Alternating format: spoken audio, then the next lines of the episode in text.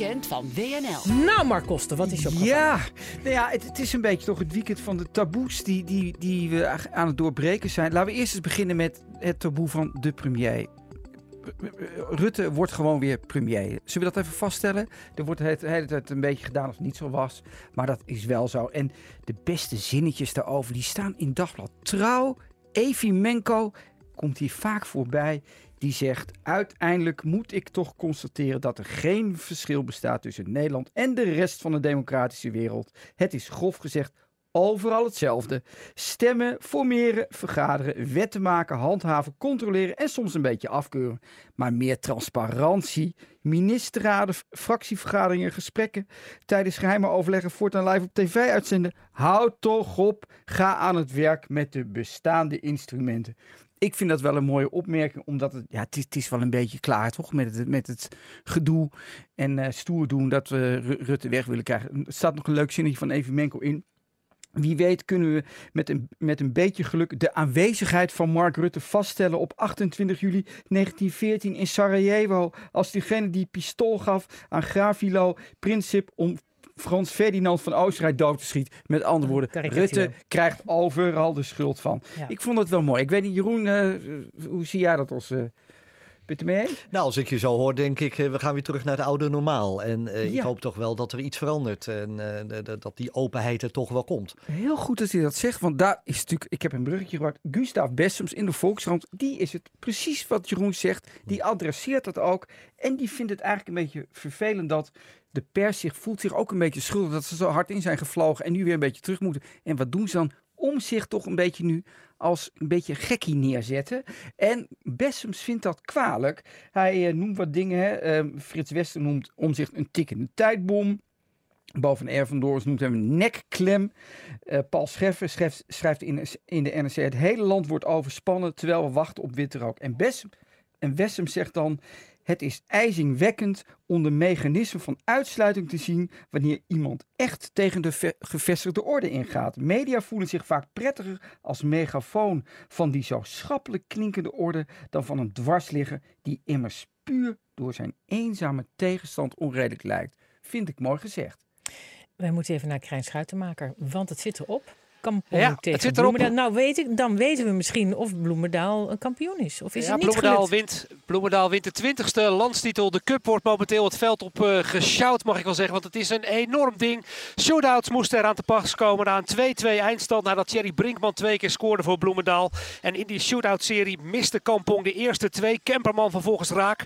En Bloemendaal had ondertussen wel twee keer gescoord. De laatste was van Fuchs. Dat betekent dus 3 en 1 voor Kampong. 3-1 dus in de shootout-serie. En zo wint Bloemendaal het. Uh, ja, tweeluik is het geworden. Geen drieluik, maar een tweeluik. Twee ontmoetingen met Kampong. En de landstitel gaat dus naar Bloemendaal. Kijk eens aan. Dankjewel, Kruin Schuitenmaker.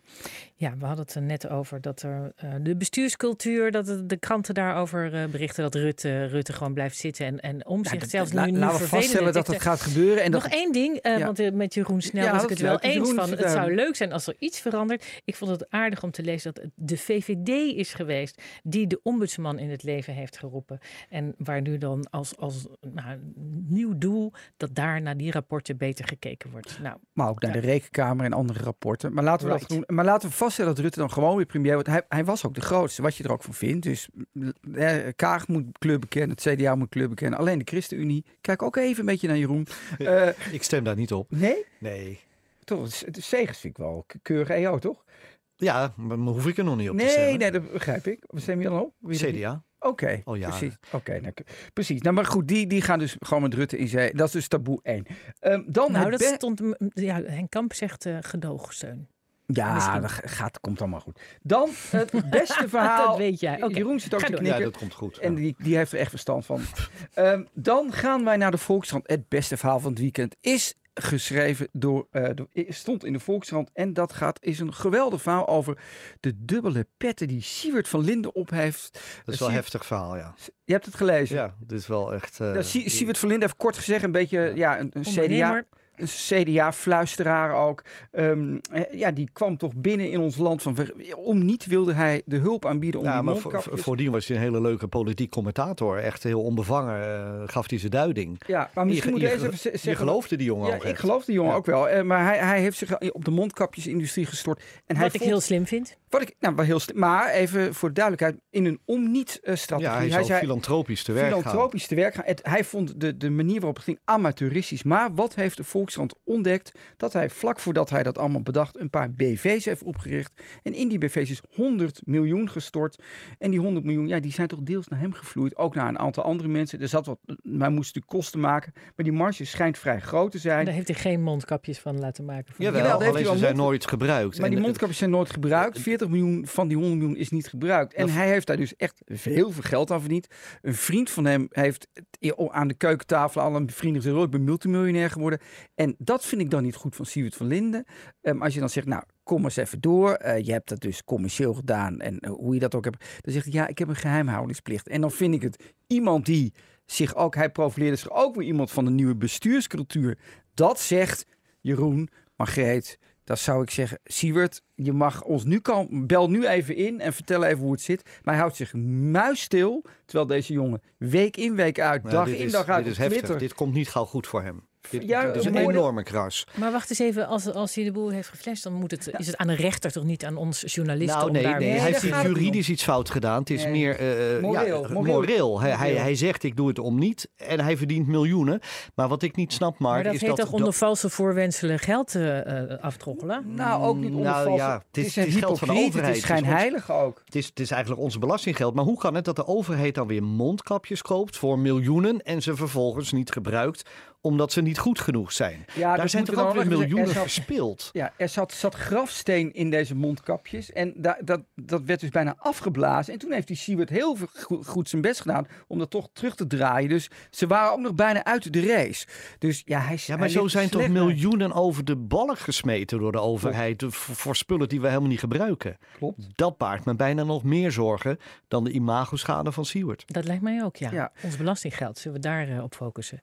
Juist. We gaan nog even naar het Songfestival. Ik weet Jeroen, ben je daar fan van? Jawel. Laten wij eens even, wat mij betreft... Zegt hij voorzichtig. Ja. ja, nee, ja, je weet het nooit. Hè? Voordat ik allemaal kennisvragen krijg waar ik geen antwoord nee, op nee, nee, nee, ja, laten we, het, het, het, we hadden het over de taboes. Uh, een ander taboe is het... Um, ja, we hebben een ik heb even een top drietje samengesteld. Ik weet niet hoeveel tijd we nog hebben. Nou, we hebben voor een top drie, als je hem niet helemaal uitlaat uh, Oké, okay, nou, wat mij betreft genoeg. wordt dit de top drie. We beginnen met IJsland, geweldig disco nummer. Dit komt op nummer drie. Dit is mijn top drie en nummer één. Mark Kosters, top drie. Kijk dan. Lekker hè?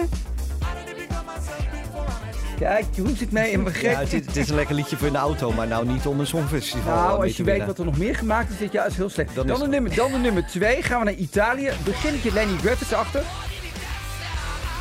Beetje Rocky.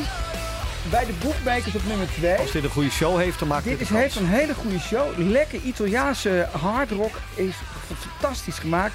En dan, dit nummer wordt nummer 1. Malta? Nee, Frankrijk. Ah, dit is wel mooi, ja. Ik krijg er veel van. Ja, dit wordt heel veel gedraaid al. Maar Malta is toch wel mijn favoriet. Ja, dat, waarom is het jouw favoriet? Ja, gewoon leuk. Ja. Oké, okay, dus dat, dat, wordt leuk. Uh, Jeroen Snel denkt dat het Malta wordt. En Mark Koster dat het Frankrijk, Frankrijk wordt. Ja. Lucille Werner was hier vorige week ook over het Songfestival. Die had dit ook al als een lievelingsliedje. Dus nou, dat wordt wel dit, dit, in ieder geval een topper. Uh, dan, maar goed, uh, wat ik dan ook weer heel, heel leuk van, vind aan zo'n weekend... dat bijvoorbeeld het Financiële Dagblad... wat mij betreft de meest serieuze krant van het... eruit ziet als de nieuwe revue... Maar dan hun bijlage, de persoonlijk bijlage. Nicky de Jager. denk je van Nicky de Jager. Schrijven ze erover. Vijf pagina's de grootste glamour-bijlage dit weekend staat dus in het Financiële Dagblad. Een verhaal over hoe zij, Nikki de Jager, de presentatrice, de Nikki Tutorial, van het van het Songfestival, een van, een van de Influencer. Vier, influencer, hoe zij het heeft uh, uh, gedaan. Ik vond het mooi. En het FD heeft dan ook dus de jaarstukken even opgevraagd. Hm. Geweldige omzetten maakt ze. 250.000 euro heeft ze dit jaar naar haar eigen vermogen uh, ge ge gebracht. Met een miljoenen omzet. En, um, Op eerlijke wijze. Ja, dit is geen Siewert van Linden. Dat kunnen we toch wel vaststellen. Nee, nee zij, zij is geen Siewert. En wat ook aardig is, dat ze vertellen hoeveel ze per gesponsorde video krijgt. Dus hmm. ze maakt zich op en dan heeft ze allerlei spulletjes. 39.000 euro per gesponsorde video. Ik vond dat een mooi verhaal. Dan heeft ze nog weinig naar haar persoonlijk vermogen uh, gesluist. Ja. Toch? Ja, nee, nee. Zij, zij, maakt misschien wel kosten en vliegt naar Las, Las Vegas, stond er allemaal in. Nou, ik, we zijn er al. ja, we moeten nog even zeggen dat de, de, de, grootste zanger van Rotterdam is overleden. En die kennen we van dit nummer. En dit zou ik eigenlijk willen opdragen ook aan Israël en de Palestijnen. Luister hier maar eens naar. Hand in hand.